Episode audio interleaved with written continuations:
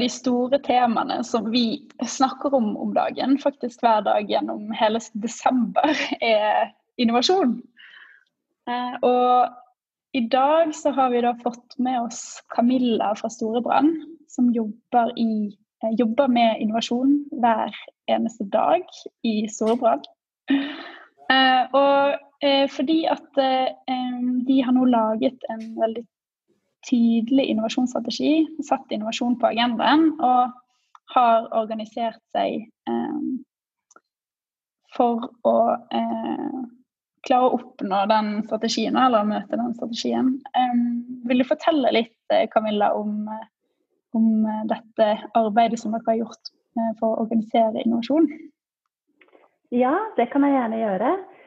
Vi har på en måte jobbet med innovasjon. eller Innovasjon ble på en måte satt enda tidligere på agendaen i Storebrand for ca. fem år siden. Og så har vi egentlig sånn systematisk siden det jobbet med hvordan vi skal øke innovasjonstakten i Storebrand. Eh, vi har bygget opp et eh, system rundt eh, innovasjon. Og så så vi på en måte det at kanskje det siste vi manglet altså, Det systemet har handlet mye om eh, hvordan vi jobber, eh, prosess for å drive med innovasjon, eh, hvordan vi finansierer, finansierer, innovasjonsprosjekter. Men så så vi på en måte at det siste liksom, vi manglet, var egentlig liksom, si dette sammen i en totalitet og en strategi som liksom satte liksom, retning for innovasjonsarbeidet. Da. For Hvis ikke så blir det fort til at man jobber litt, sånn, litt overalt, og særlig for Storebrand som, eh, som er et så stort konsern og har så bredt område. så er det, sånn, det er mange områder man kan bli fristet til å jobbe innenfor. Da.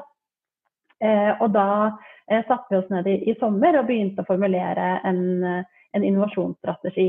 Og, og, så er det jo litt det at altså, vi har brukt litt sånn tid på å diskutere hvorfor driver vi med innovasjon. For innovasjon er liksom et forslitt ord og ganske sånn buzzword, og det kan jo hos mange dekke, vekke liksom negative reaksjoner.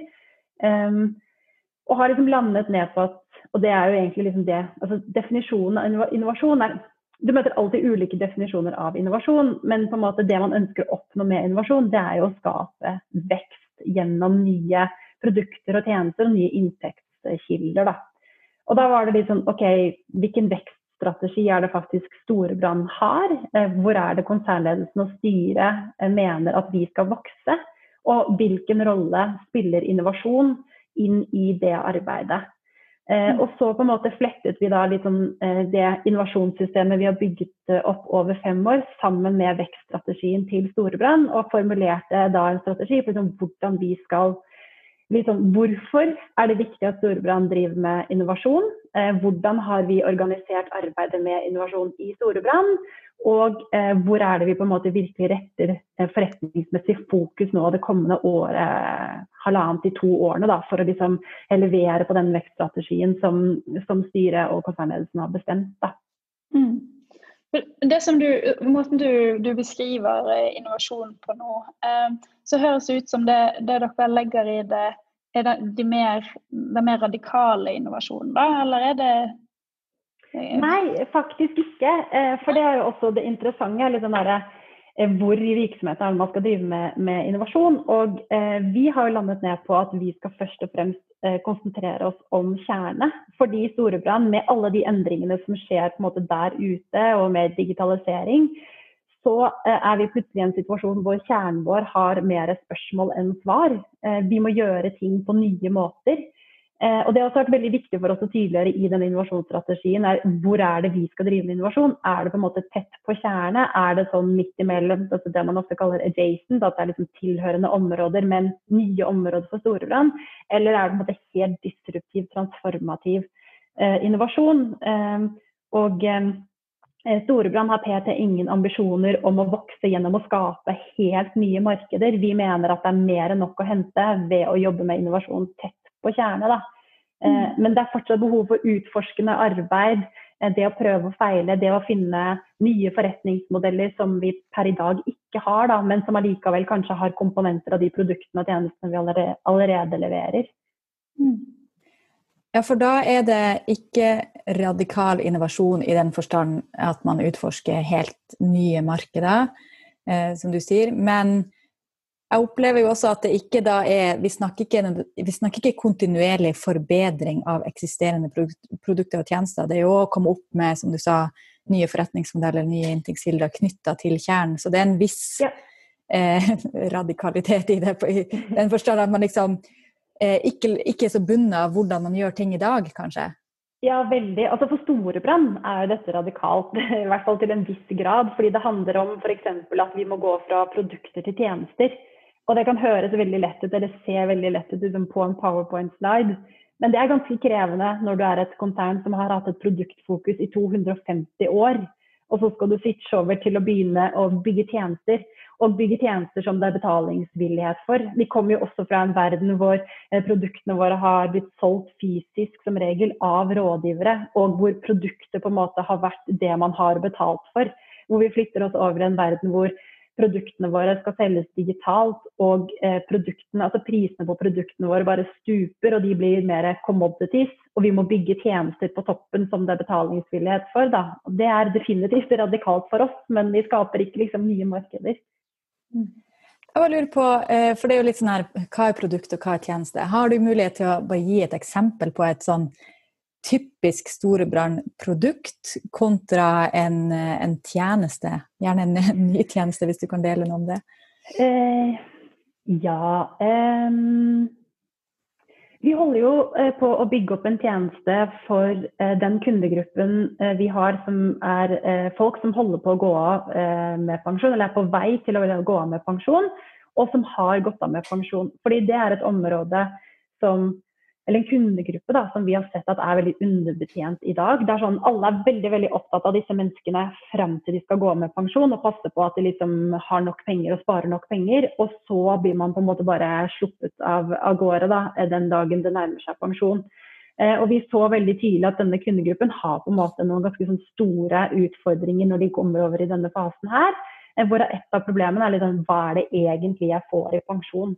Der har vi liksom hatt et veldig sånn produktfokus. Det er veldig sånn, Du har på en måte den tradisjonelle, gamle liksom, ytelsespensjonen. Du har kanskje noe innskuddspensjon som du har fått med deg helt på slutten av arbeidslivet etter at mange eh, flyttet over i det. Du har kanskje eh, noe fondssparing, noe eiendom veldig sånn fragmentert og produktorientert og lite helhetlig for en kunde som skal over en helt ny livsfase. Eh, hvor vi der syr det sammen til å ikke på en måte handle om produktene, men å handle om kundene og den nye fasen de skal over i. Da. Eh, hva er det du skal bruke disse pengene på? Eh, sy det sammen til en helhet som gjør at det er lett for kunden å se det. Og så jobber vi også med å se på hvordan kan vi følge opp disse kundene. Eh, både i fasen frem mot at de går av Eh, med pensjon, men også etterpå er det andre elementer vi kan bygge ut og skape tjenester for denne eh, målgruppen. Da. Mm. Og er det da sånn eh, Når dere da skal jobbe med disse eh, tjenestene og utviklingen av det, eh, på hvilken hvor i organisasjonen er det det arbeidet foregår, eller hvem er det som som måtte, eier innovasjonsarbeidet eller driver det frem? da? Vi har um, den enheten som, eller det teamet som jeg jobber i, som heter Team nye forretningsmuligheter. Uh, der er vi fem ressurser som har på en måte særlig kompetanse på utforskende faser. Så liksom den aller første fasen av en innovasjonsprosess, hvor det handler om å få en tydelig uh, forståelse av et kundesegment, en tydelig liksom, problemforståelse Eh, det, måte, hvilke problemer er det kundene har som de trenger hjelp til å få løst på en mye bedre måte. Eh, så typisk sånn som dette eh, Smart pensjon, da, som denne tjenesten for pensjonister heter, den startet i vårt team. Hvor man jobbet utforskende, litt sånn ganske vidt og bredt. Litt sånn, vi har en kundegruppe her, vi vet de er underbetjente, men liksom aner ikke helt hvordan vi skal betjene de. Og så holdt man på der i ja, frem og tilbake i, i, en viss periode, før man så at ok, her er det virkelig noe. Vi ser at dette er en kundegruppe som har skikkelig burning hair. Og det er helt åpenbart at Storebrand som Norges største pensjonsleverandør skal ta en plass i det spacet. Og da eh, bestemte vi oss for å opprette et eget produktteam da, eh, som da nå jobber videre med å faktisk begynne å bygge dette eh, og videreutvikle det da, og eh, ja, skalere det etter hvert da, når vi begynner å få det til å sitte. Eh, og Ja, nei, snakk bare, Hilde Marie. nei, jeg, jeg, tenkte på um, Eh, ja, så da blir jo det altså, eh, hvordan, Bare for å spørre om det, da, hvordan håndterer man den eh, overleveringen mellom, mellom, de som har jobbet med, med innovasjon, eh, eller å finne ut og utforske området, over til produktteamet som skal jobbe med det videre? For Det kan jo ofte være en litt sånn utfordring i, i enkelte sammenhenger når man får den, den overleveringen der.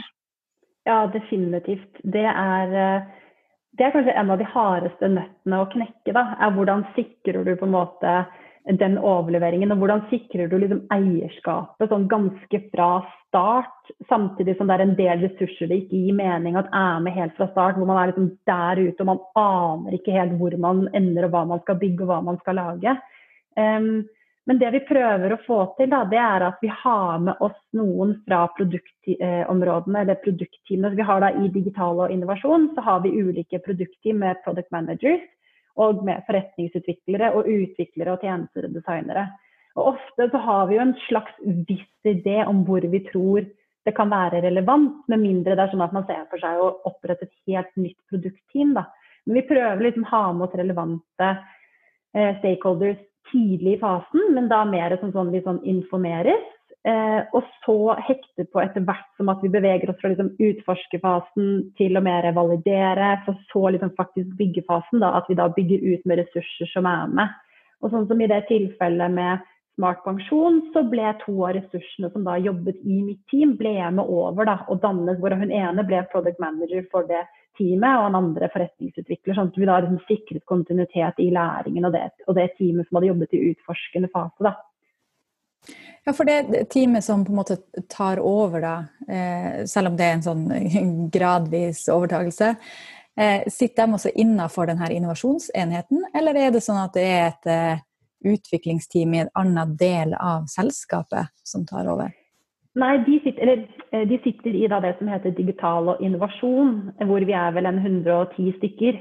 Eh, så sånn sett så er vi på en måte i samme enhet og liksom samme fellesskap. Det er liksom ikke på en helt annen side av uh, organisasjonen, men vi jobber i litt forskjellige, forskjellige team. Da. Men så kommer det også sånn Det kommer så innmari an på hva som kommer ut av Eh, det man jobber med. fordi noen ganger så kommer det eh, nye standalone tjenester som det kanskje opprettes et eget produktteam rundt. Andre ganger så kommer det kanskje bare læring.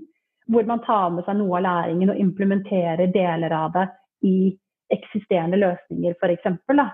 Um, og den er jo alltid også litt krevende, fordi de som har sittet tett på, har jo den læringen så innmari. Men det der å overføre den læringen til andre er ikke alltid like enkel. Liksom Man må kjenne den læringen på kroppen selv, og vi har vel ikke helt 100% klart å knekke koden der. Nei, Det er jo et veldig interessant tema i seg sjøl, for vi snakker jo mye om det her med å, eh, at det må være rom for å, å, feile. Jeg vet ikke om det er det du legger i det når du sier at av enkelte initiativ, da, så, så, sitter man bare igjen med læring. Men det er jo en del Når man skal utforske veldig bredt og veldig mye, så er det jo nødvendigvis en del ideer som på en måte ikke, ikke er aktuelle å realisere, og hvor man sitter igjen med bare liksom at OK, da erfarte vi sånn og sånn, og kanskje vi kan ta med eh, det videre. Eh, og så er det jo et litt sånn dilemma da, at ingen ingen liker akkurat det, eh, å feile, eller at, at, den gode ideen eh, faktisk ikke blir noe av. Og vi snakker mye om liksom, at man må ha en kultur for å feile, og man må ha psykologisk trygghet og alt sånt. Hva er, hva er dine refleksjoner rundt akkurat det, eller dere, hvordan jobber dere med det her i Storebrand? Jeg er først og fremst veldig enig at det er utrolig viktig. Og det er veldig viktig for ressurser sånn som meg, som jobber i utforskende fase. Det finnes sånne illustrasjoner som viser at det å jobbe med innovasjon er jo den sikre karrieredød. Eh, og det var eh, en, en, det en sånn usikkerhet jeg hadde da jeg begynte med dette for en fire års tid siden. Og på en måte eh, første gangen jeg jobbet Vi har, vi har noe som heter Digitalt investeringsstyre, som er midler som konsernsjefen eier. Eh, hvor man kan gå inn og pitche ideer på ting man har lyst til å jobbe med, eh, som skal på en måte øke innovasjonstakten i Storebrand. Fordi vi, har, på en måte, vi er et stort, tungt konsern, og vi har liksom en planprosess som skjer en gang i året. Den skjer nå på høsten. Eh, men det dukker jo opp ting underveis som det kan være spennende å utforske og jobbe med, hvor også det er helt umulig å på en måte regne noe eh, forretningsverdi. Da. Mens i planprosessen så er det business case, og det er på en måte forventet utfall av liksom, hvis vi gjør dette, dette, så tror vi at vi kan hente ut dette, dette, dette. Der, liksom, de beregningene kan man jo ikke gjøre når man liksom har et kundegruppe og en segment, et, et kundeproblem, men man bare tror det er noe spennende som man må utforske. Eh, og, og, jeg har jobbet mye opp mot dette digitalt investeringsstyret, og jeg husker første gangen jeg holdt en pitch. Um, innenfor noe på forsikring. Eh, og vi hadde jobbet så hardt og så lenge med det, og bare vi la liksom sjela vår i det. Og så ble det nei. Eh, og det ble nei av veldig gode årsaker, og det var av strategiske årsaker at den pitchen fikk nei. Men jeg husker liksom kjente så innmari på etterpå når jeg var ferdig, var sånn Har jeg gjort en god jobb nå, eller ikke? Hva tenker folk rundt meg? Har måte har jeg gjort jobben min, eller på en måte har jeg feilet? da? Men det som var helt fantastisk å oppleve, var at folk rundt så at jeg hadde gjort en god jobb, eller de på en måte så innsatsen jeg hadde lagt inn i det arbeidet, ikke på en måte utfallet som ble nei på den pitchen. da. Eh, og fikk liksom, kjenne veldig på at man ble på en måte plukket opp og, og tatt videre og brukt videre på samme type, eh, samme type prosjekter eller initiativer. Eh, og jeg har også stått i en situasjon hvor jeg har anbefalt konsernsjefen å legge ned da en av disse utforskende tjenestene vi jobbet med. Og gruet meg jo skikkelig til å gå inn. Eh, og dette var liksom en tjeneste som først var litt vanskelig å få penger til, og så fikk vi på en måte ja. Og så ble det mer og mer konkret, og så begynte han å forelske seg veldig i den tjenesten. Og parallelt med at han forelsket seg i tjenesten, så begynte vi å innse at dette kanskje egentlig ikke hadde livets rett. Eh, og jeg gruet meg bare så innmari til å gå inn og vise resultatene og liksom avslutte møtet med å si at dette må vi bare Vi må legge det ned. Eh, og da, eh, Den reaksjonen han hadde da, var bare helt fantastisk. Eh, for da hadde jeg på meg et helt tilfeldig sorte klær. Og så var det bare litt sånn dyster stemning. Og så så han på meg liksom, hvorfor har du på deg sorte klær som om dette er en sånn slags begravelse. Altså I dag skal vi feire. Vi skal feire den læringen dere har gjort, og alle de pengene vi har spart da, på denne læringen. Og da tenker jeg at Det sier ganske mye om når konsernsjefen går foran og har den holdningen. da, eh, og Det endte jo med at jeg gikk på en måte løftet ut av det møtet istedenfor nedstemt og var usikker og redd på om jeg hadde gjort en god jobb. da. Ja, Det er helt fantastisk eh, å høre. Um, vi kunne snakka mye mer om det, men jeg tror vi skal runde av her. Og så tenker jeg at det er en fin bridge til uh, vi, skal, vi, skal, spille en episode til med deg, Camilla. Yeah. skal vi uh, snakke om et uh, veldig konkret innovasjonsprosjekt i Storbrann. Så da snakkes vi gjennom litt.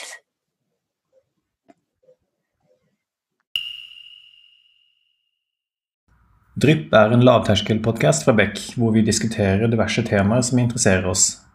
Og Hvis du har et tema som du har lyst til at vi skal snakke om, eller du vil være med på en innspilling, ta kontakt på drypp.beck.no.